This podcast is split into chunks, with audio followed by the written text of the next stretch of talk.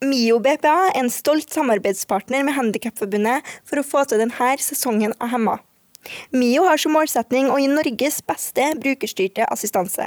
Det forplikter. MIO er helnorsk med 100% norsk eierskap. De er her alltid for dem som er med i MIO-familien. Er du lytter av podkasten Hemma og er nysgjerrig på BPA? Kontakt dem for en uforpliktende prat på www.miobpa.no. Hos MIO er alle velkommen, uansett funksjonshemning, og de hjelper deg med søknaden din om du trenger det.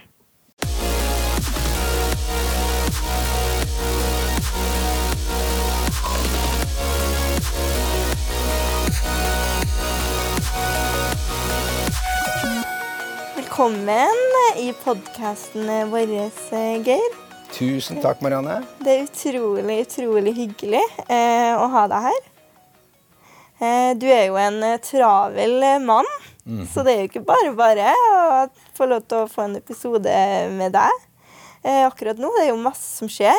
Eh, du er jo advokat, og eh, du holder foredrag og gjestekonferanser. Eh, altså, nå er det jo korona og liksom forskjellige ting, mm -hmm. altså det innvirker jo. Men eh, du er jo en sterk stemme utad, da. Det er du. Og så er du eh, holder på å starte opp, og har starta opp, et nytt parti. Ja, Partiet Sentrum. Ja. Så egentlig må jeg litt sånn først Hvordan, hvordan strekker tida til i alt det her? Nei, det er et veldig godt spørsmål. Og i tillegg så har jeg en stor familie som jeg elsker å være ja, sammen med. Ja.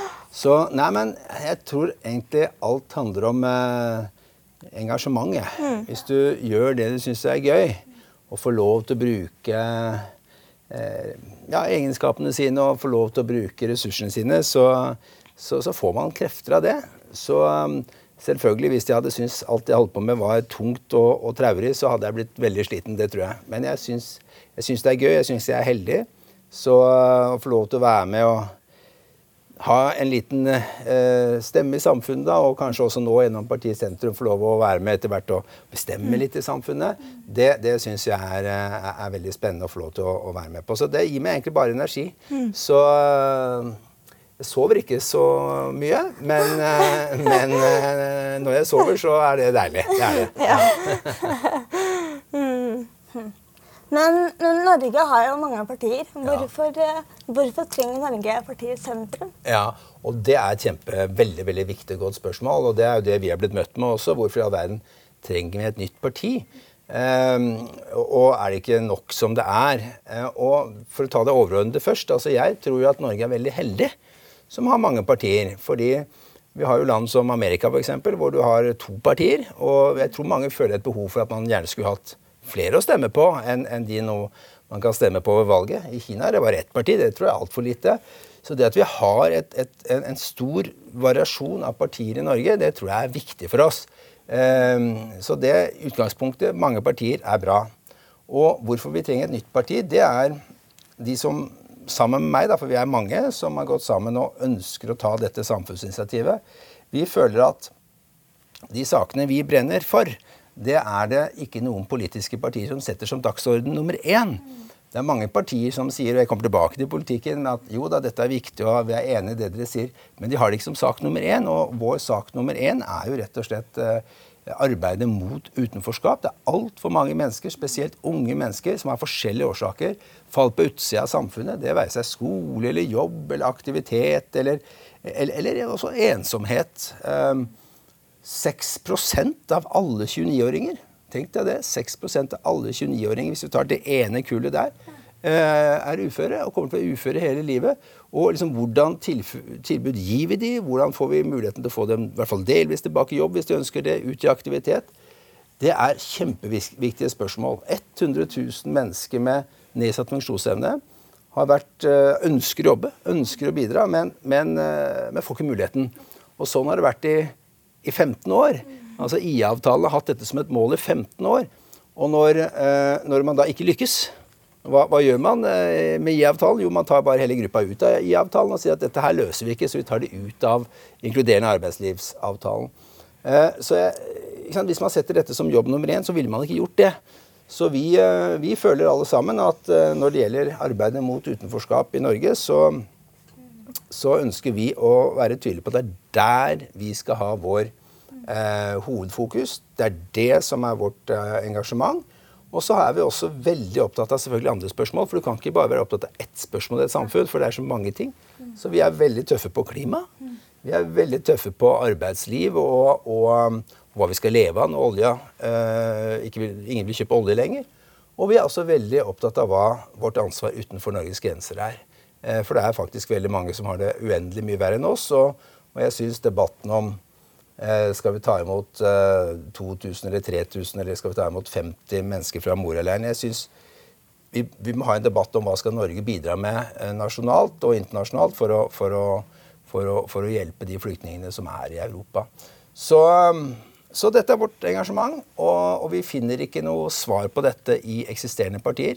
Jeg hører at dette var et veldig langt svar på spørsmålet ditt, men, men, men det var veldig sentralt. Så derfor må jeg få lov å si litt om det, og derfor har vi liksom funnet sammen.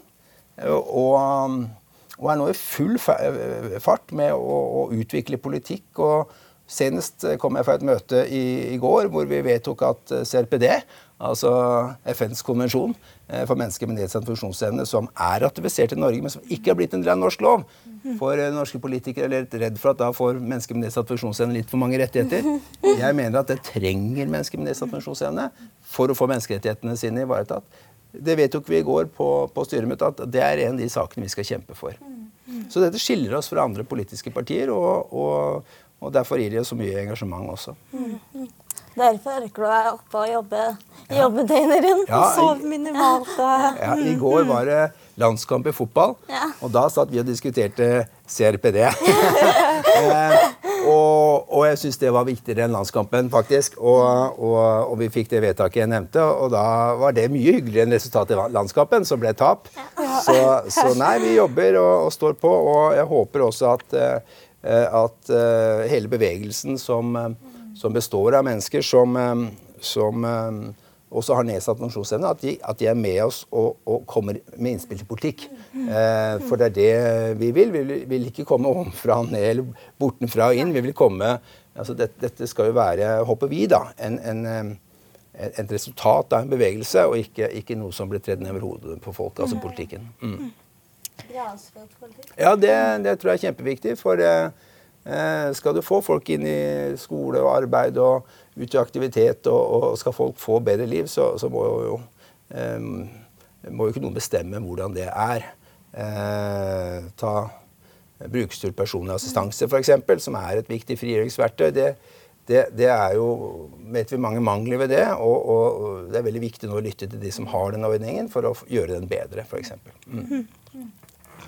Dere må jo ha 5000 underskrifter innen nyttår. Ja. Eh, hvordan, hvordan, er prosessen, og tror du dere kommer i mål? Og jeg er glad for det spørsmålet, for da får jeg anledning til å si noe som er kjempeviktig. Mm. Eh, vi har jo fått veldig mange henvendelser digitalt, altså på mail og, og, og, og folk som skanner inn i, eh, disse underskriftene og sånt noe. Men eh, partiloven, som den heter, er altså sånn at disse underskriftene må være originale på papir. Slik at alt vi får på mail, det er ikke verdt noe opp mot de 5000 underskriftene. Så det vi rett og slett jobber med nå om dagen, det er å, å stå på stand og, og, få underskrifter på et skjema, eller kontakte alle de som har tatt kontakt med oss digitalt, eh, og si at de må printe ut skjemaet som ligger på partiet.no, fylle det ut og sende det i posten. Og det er jo en liten bøyg, spesielt for unge mennesker. Det med post er jo ikke folk vant til lenger. Så det er det vi holder på med nå, rett og slett. Så hvis noen har lyst til å, å, å, å se et nytt parti, ikke melde seg inn nødvendigvis eller, eller, støtte det på annen måte, men lyst til at det skal komme et nytt parti som, som, som, vårt, så må man rett og slett skrive ut det skjemaet og signere og sende i posten til oss. Og da blir vi kjempeglade, for det er, er krevende å få de 5000 fysiske underskriftene. Og vi må greie det før jul. Eh, ellers så får vi ikke vært med til valget til, eh, til eh, høsten. Men så rart at man må ha det per post, da. Gammeldags, den loven. Men den er veldig tydelig i ordlyden, så, så, det har vi undersøkt nøye. at og det er litt diskriminerende også, egentlig. For det er ikke alle som så lett kommer til et postkontor. så, så, vi Så vi men, men, jeg håper at, at, de som ønsker det, gjør det. og, og, og så får heller folk bare ringe oss, da, så får vi sende skjemaer. Og vi skal gjerne møte opp hos folk vi, hvis det er så om å gjøre. Eh, men, men, eh, men vi har eh, fått ca. 1000 fysiske underskrifter allerede etter en uke. Så vi har jo håp om at vi skal nå dette i god tid før jul. Ja. Men da, vi trenger hjelp, altså. Da har dere litt tid på det, da. Vi har litt tid på oss. Ja. Mm. Men uh, vi vil gjerne bli enda mer kjent med deg, med Geir. Eh, og nå har vi på en måte eh, lagt noen merkelapper på deg og fortalt litt om hvem du er. Vi vil gjerne at du kan fortelle litt om ja, hvem er egentlig Geir. da? Hva, hva liker du å gjøre? Ja, hva liker jeg å gjøre? Jeg, jeg er 56 år. Ja. Jeg er gift med Signe, som er jordmor. Og jeg er utdannet da jurist og advokat. Og, er det, og det er yrket mitt. Jeg har, eller Vi sammen, da, Signe og jeg, vi har eh, åtte barn. Og så har vi hatt et fosterbarn, og så har vi en liten gutt i avlastning. Så det er mange barn opp igjennom hos oss. Eh, eh, men nå begynner de åtte barna å bli eh, store, voksne. Eh, så vi har bare to barn igjen som bor hjemme. Det er Lykke og Madikken på, eh, på åtte og 12. Så nå føler vi at vi har veldig god tid, da.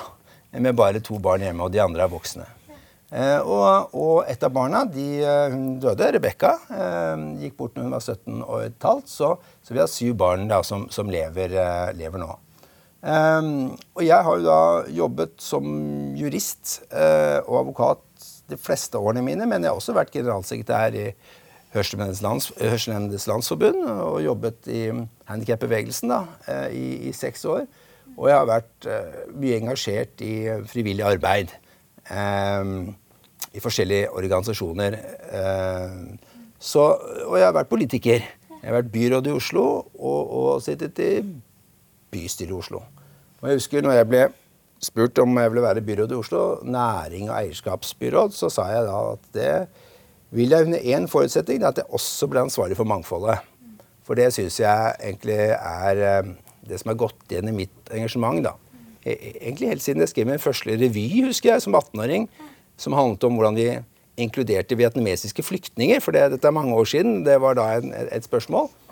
Eh, så har dette med mangfold vært viktig for meg. Så, så det fikk jeg lov å jobbe med da, eh, som byråd i Oslo også. Så ellers så liker jeg å sykle og gå tur og ikke noe spesielt sånn spesielle Jeg er glad i Sverige, så vi har et lite hus i Sverige, så dit reiser vi ofte. Ja, ikke nå, da, men Nei. ja. En grei presisering der. Nei, altså nå når vi blir litt bedre kjent og sånn eh, Så er, eh, jeg og Ida da, vi snakker jo ofte i podkasten om våre liksom, guilty pleasures in life. Sånn her eh, at jeg elsker å se på Grace Anatomy, for Ja. eksempel, da, og at du eh, beach og Ja, og liksom sånne ting, da. Eh, har du noen guilty pleasures? Om Ja. det er å bake boller, eller om det er en serie du er veldig glad i, eller Ja. Det er nok musikksmaken min som Musikk, er eh, ja, ja. Det er svensk toppar. Altså svenske, svenske svisker er eh, jeg har, jeg har jo på, på telefonen så har jeg da egen sånn spilleliste. Og, og med 120 svenske svisker som jeg sitter og hører på. Ja, men det så det, det er en sånn guilty pleasure. Og, og så eh, Og den største, kanskje. Um, og så er jeg veldig glad i å bade, rett og slett. Bade. Det- Nå trodde jeg kom tilbake. ja. Så jeg er veldig glad i å bade. Um, og for øvrig, hvis det er noen TV-serier, så Så jeg vet du, Sånne gamle sånne ridderfilmer og sånn syns jeg er morsomt.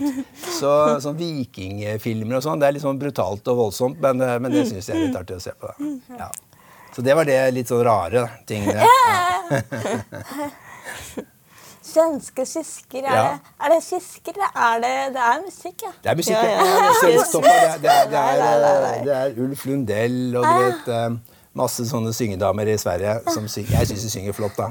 Så da kan jeg bli litt sånn, sånn melankolsk og sitte og drømme meg bort da, til svenske sommernetter. Ja. Så, så det liker jeg veldig godt. Mm. Men du sa litt her nå om at du begynte å engasjere deg i den her eh, revyen. Ja. Eh, men er, Var det da du begynte virkelig å engasjere deg? Eller når var det det egentlig begynte? Jeg, jeg tror at eh, Jeg kan ikke skryte på meg at jeg var sånn samfunnsbevisst som 15-16-åring. Liksom. Jeg vet mange er det, og det er veldig imponerende. Men, men ja, jeg husker at som 18-åring da, da begynte jeg å, å se litt, som, på litt sånn urettferdighet rundt meg. Og, da, og den gangen, da, Da var det jo, eh, det, dette, da var det jo Vietnamkrigen som hadde vært. Og det kom en del flyktninger fra Vietnam, øh, bl.a. til Norge. Dette var 1980. Øh, jeg skrev den teksten. Og, og vi tok det jo imot. Men det var det samme debatten. Mange skal vi ta imot, og har vi råd til dette? Og, og ja, de får lov å komme, men da får det være bli fordi de får lov å komme, osv. Så, videre. så Så da, da, skrev jeg en tekst om at, at for å lykkes, da, at de skal ha det godt når de kommer hit, og for å bli en del av det norske samfunnet, så må vi ønske dem velkommen. Vi må, vi må, si at det er flott at dere kom hit, og vi må legge til rette for at, at de skal kunne lykkes her, da, og ikke, ikke se på de som de og oss, husker jeg. Dette var en ung mann som skrev, 17 år. Men jeg mener egentlig det samme i dag. Altså Hvis du skal lykkes med inkludering, så kan du ikke starte med å si at du helst ikke vil at du skal være her. Um, for da, da, blir utgangspunktet veldig vanskelig. Um, så, så det, det, utgangspunktet har jeg tatt med meg hele tiden. Og, og derfor syns jeg f.eks. at når diskrimineringslovverket snakker om at vi skal bygge ned samfunnsskapte barrierer for at mennesker skal kunne delta, så syns jeg det er en veldig god beskrivelse, fordi det er det det handler om. At folk ønsker å delta, ønsker å bidra, ønsker å være en del av et fellesskap. Men vi har laget noen barrierer i samfunnet som gjør det vanskelig. Om det er en trapp som er helt fysisk, eller om det er systemer som gjør at enkelte blir diskriminert. Det er, det er ting vi må gjøre noe med. Så det begynte med denne revyen? Ja, det begynte med revyen. Og det var til og med sang i den, i den teksten, husker jeg. Og, og, da fikk ikke jeg lov å synge, for jeg synger fryktelig stygt. Så da var det en dame som sang. Og så, og så hadde jeg skrevet teksten og spilte da denne vietnamesiske flyktningen. da. Uh, ja. Vil ikke ta en liten trall nå? jeg husker ikke helt. Uh... Eller sånn derre svenske svisker. Du kan ta en trall der også, så det er helt, ja, ja, ja. helt valgfritt der. Jeg trives best i landskap eller sånn, ja. Det er, jo, det er jo, Magnus Ugla synger jo den der 'Skal vi gå hjem til meg', eller 'Skal vi gå hjem til deg'? Den passer kanskje bra på en fredagskveld, men det er litt tidlig ennå.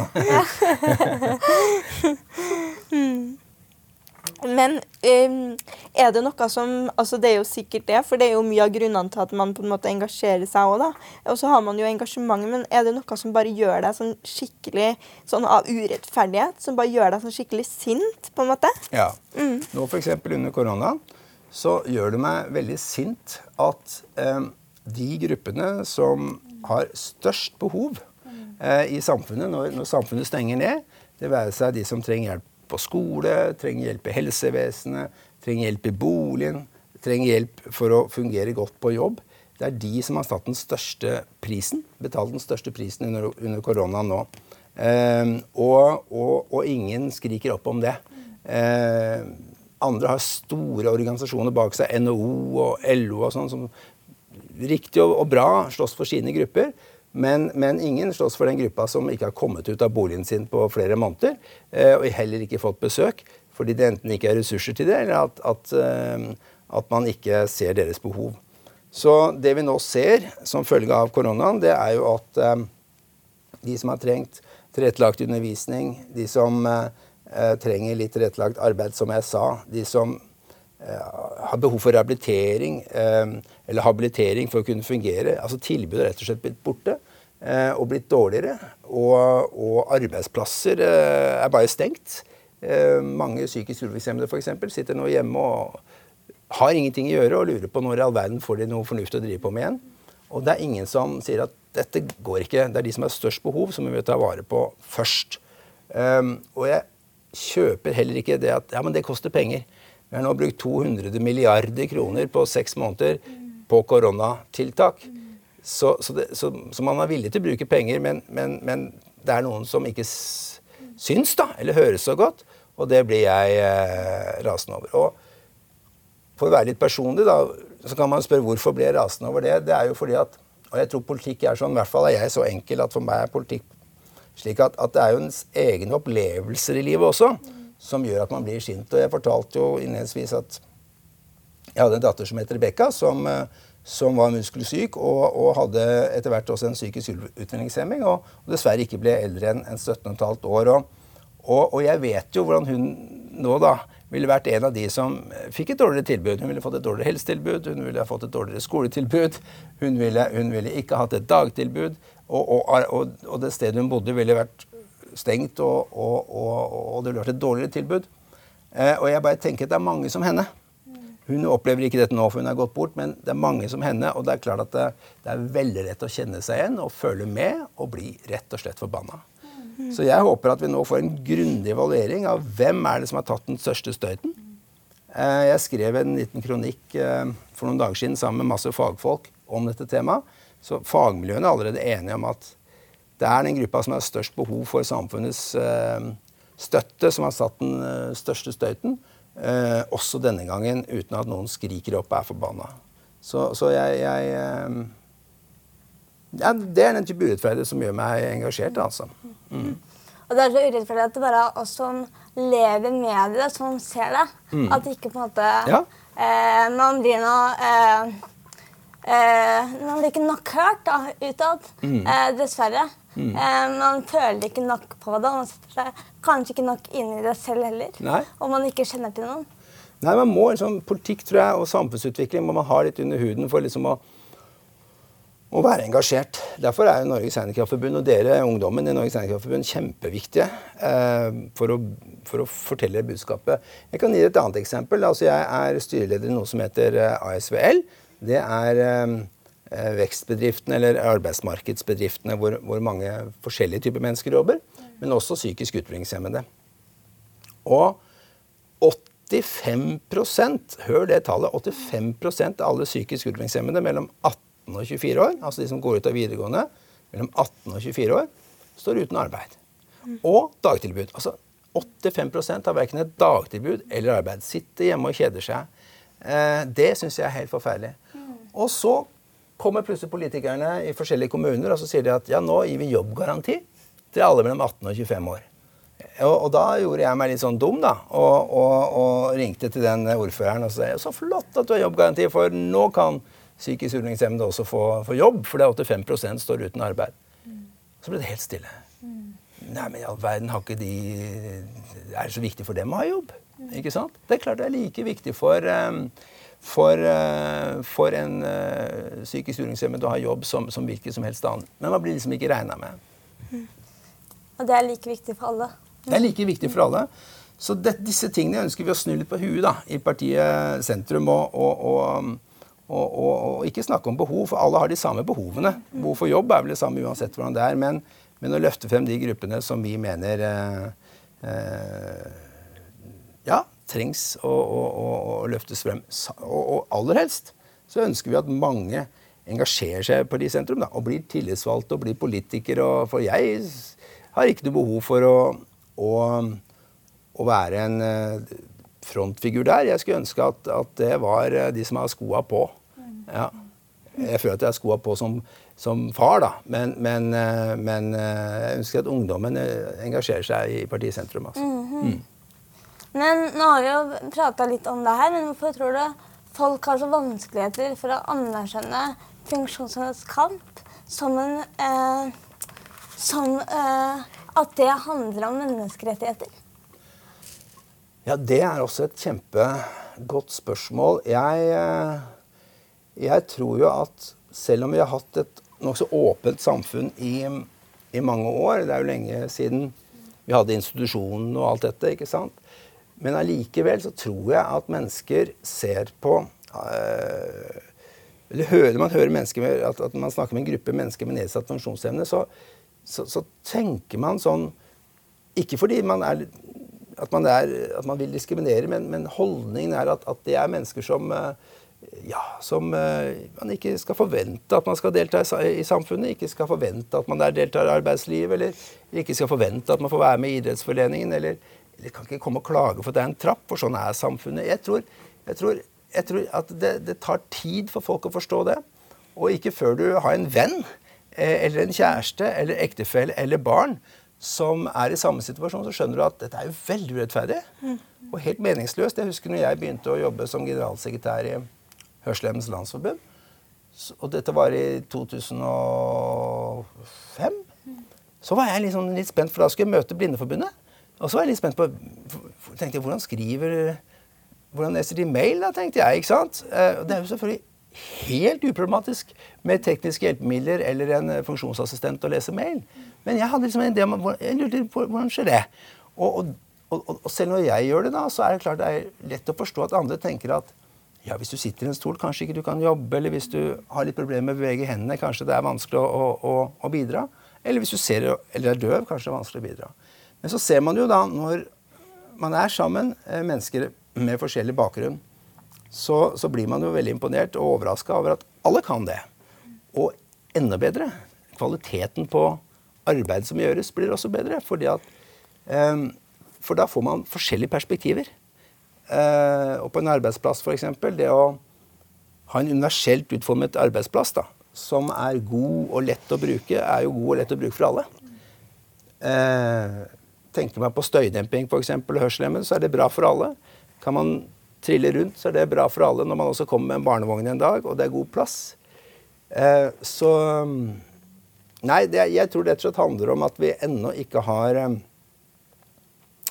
eh, kontakt, rett og slett.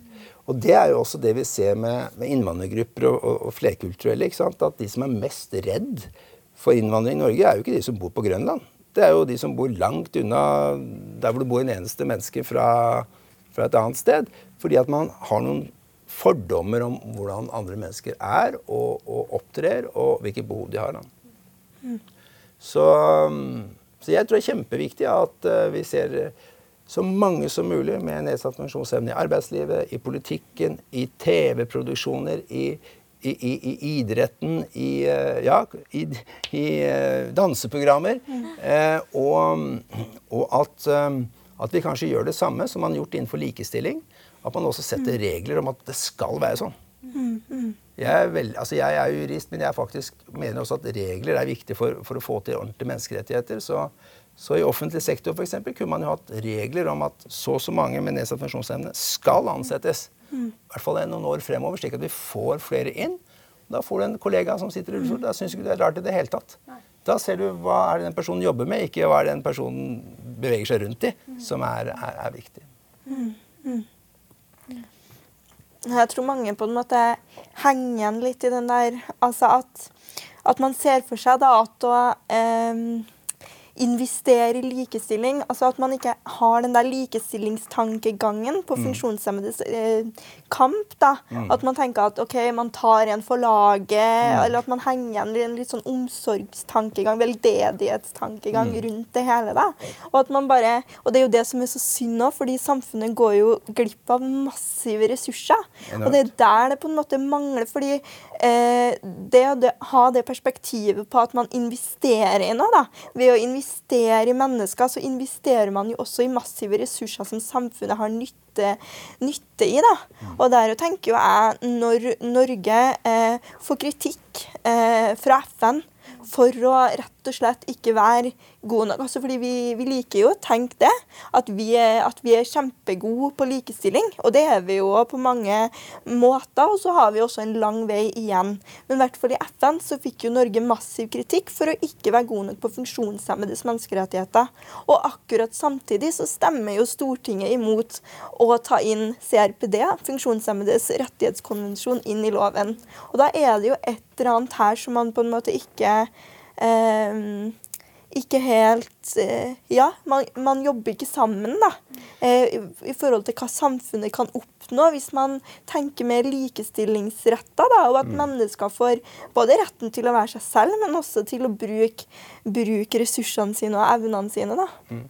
Ja, det at, at uh, Norge ikke, altså har ratifisert, men ikke gjort uh, CRPD, FNs menneskerettighetskonvensjon for mennesker med nedsatt funksjonsevne, til en del av norsk lovverk, er for meg ganske uforståelig. egentlig. Mm, mm. Og du kan jo bare tenke deg hvis, hadde, hvis, man hadde sagt det samme Nei, vi skal ikke gjøre eh, menneskerettighetskonvensjonen om kvinners rettigheter mm. til norsk lov, for vi syns det er litt drøyt. Mm. Eller, eller, eller vi, barn holder vi mm. utenfor. Det, det, gjør man jo selvfølgelig ikke. Men akkurat mennesker med nedsatt funksjonsevne har man også sagt at dette må vi se nærmere på. Mm. Jeg syns det er helt uforståelig. Og, og, og istedenfor å snakke om rettigheter, da, om menneskerettigheter, så bruker man ord som dugnad. Og ord er kjempeviktig. Altså, dugnad er jo Nå har man inkluderingsdugnad i arbeidslivet. Så du skal ikke ha rettigheter og, og, og, og, regler som sier noe, men du skal ha en dugnad. Men hva er egentlig en dugnad? Det er jo ikke noe du har lyst til å gå på.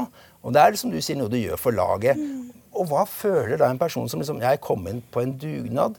Eh, altså det er, det er, et feil utgangspunkt eh, når man når man er, tenker arbeidsliv og, retten da, til å få lov til å, å, å delta i arbeidslivet, så, så, så, bør vi bruke andre ord enn en, en dugnad. Og, og jeg syns at eh, hvis, hvis eh, det blir en stolthetsparade eh, til våren igjen, da, vi får håpe at koronaen har eh, lagt seg, så, så, håper jeg jo at eh, at uh, mange politikere blir opptatt av å gå i stolthetsparaden og, og kjempe nettopp for det at uh, FNs uh, konvensjon for mennesker med nedsatt funksjonsevne blir ikke bare ratifisert, men blir en del av norsk lov. Og for de som kanskje ikke vet forskjellen, for det er jo ikke, det er litt komplisert dette her, så er det jo slik at For politikerne sier de at ja, men det er ratifisert, så, så disse, disse, dette har vi gjort det vi kan gjøre med. Men, men, men hvis det kommer en, en sak, og norsk lov strider, eller norsk lov har en annen ordlyd enn en FN-konvensjonen, så går norsk lov foran. Fordi den ikke er en del av norsk lov. Så dette er kjempeviktig.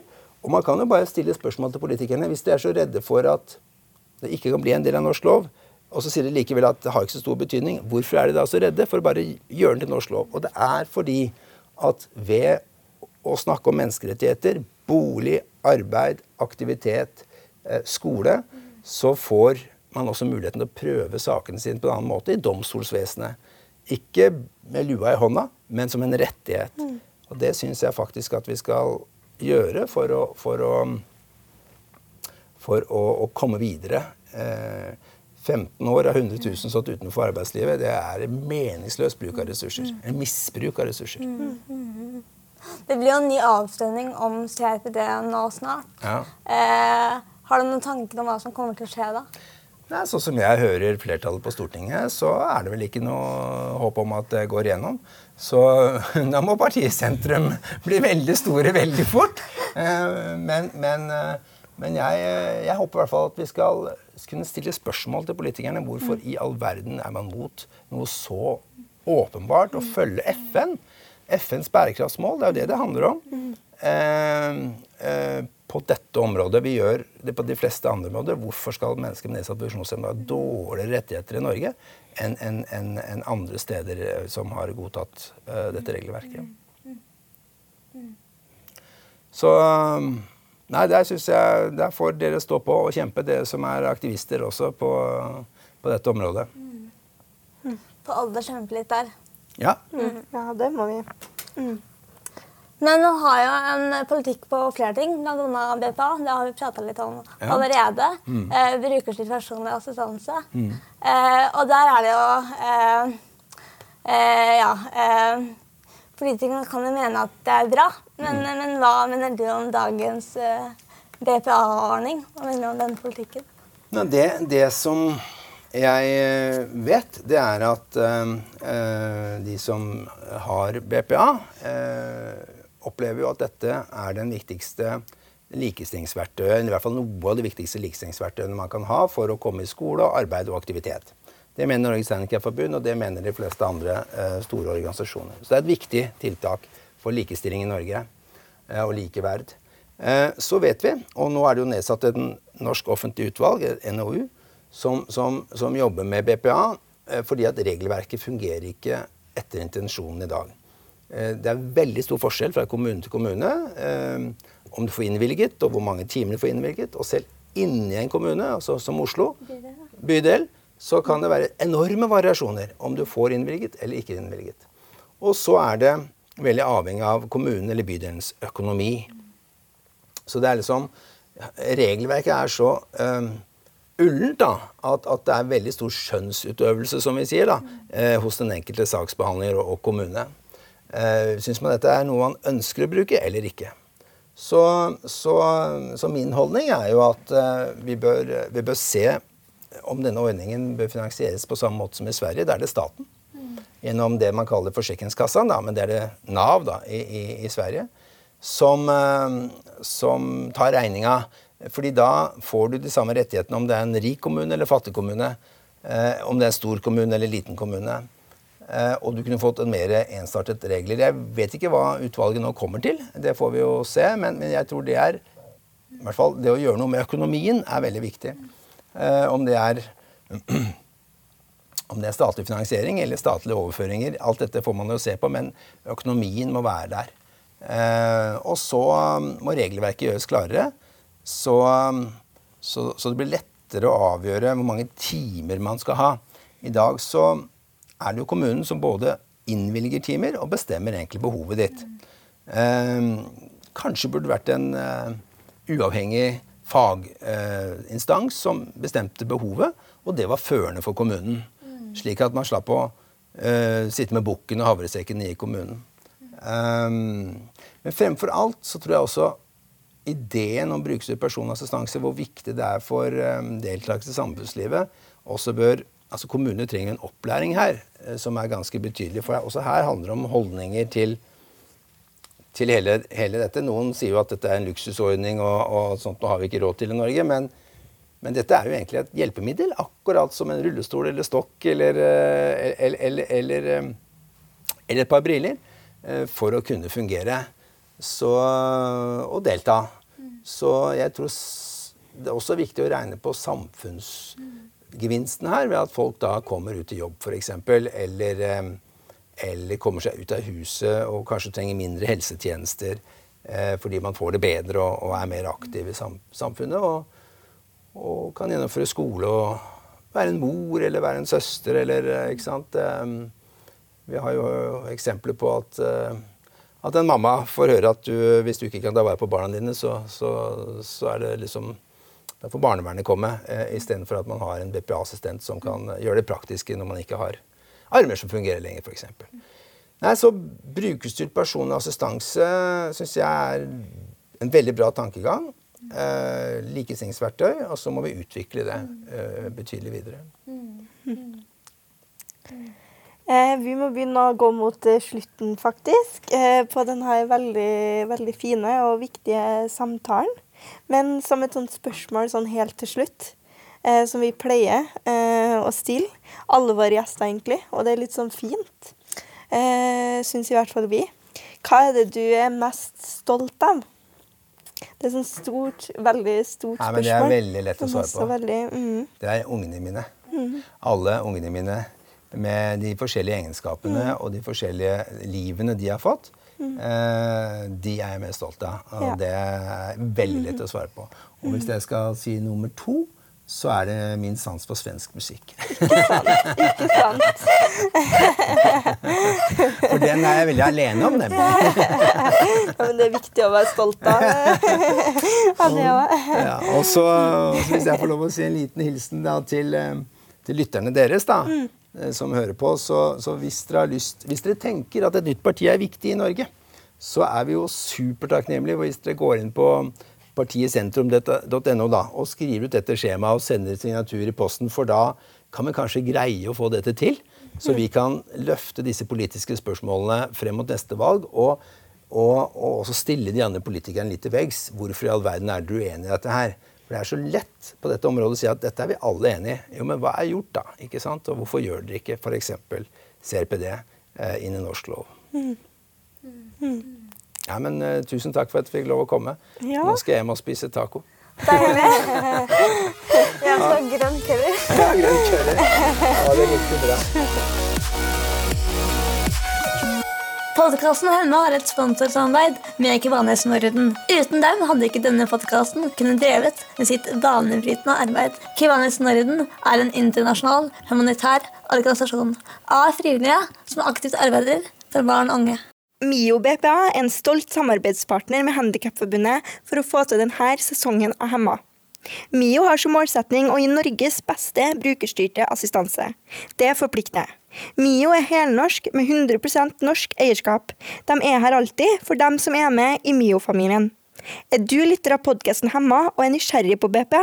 Kontakt dem for en uforpliktende prat på www.miobpa.no. Hos MIO er alle velkommen, uansett funksjonshemning, og de hjelper deg med søknaden din om du trenger det.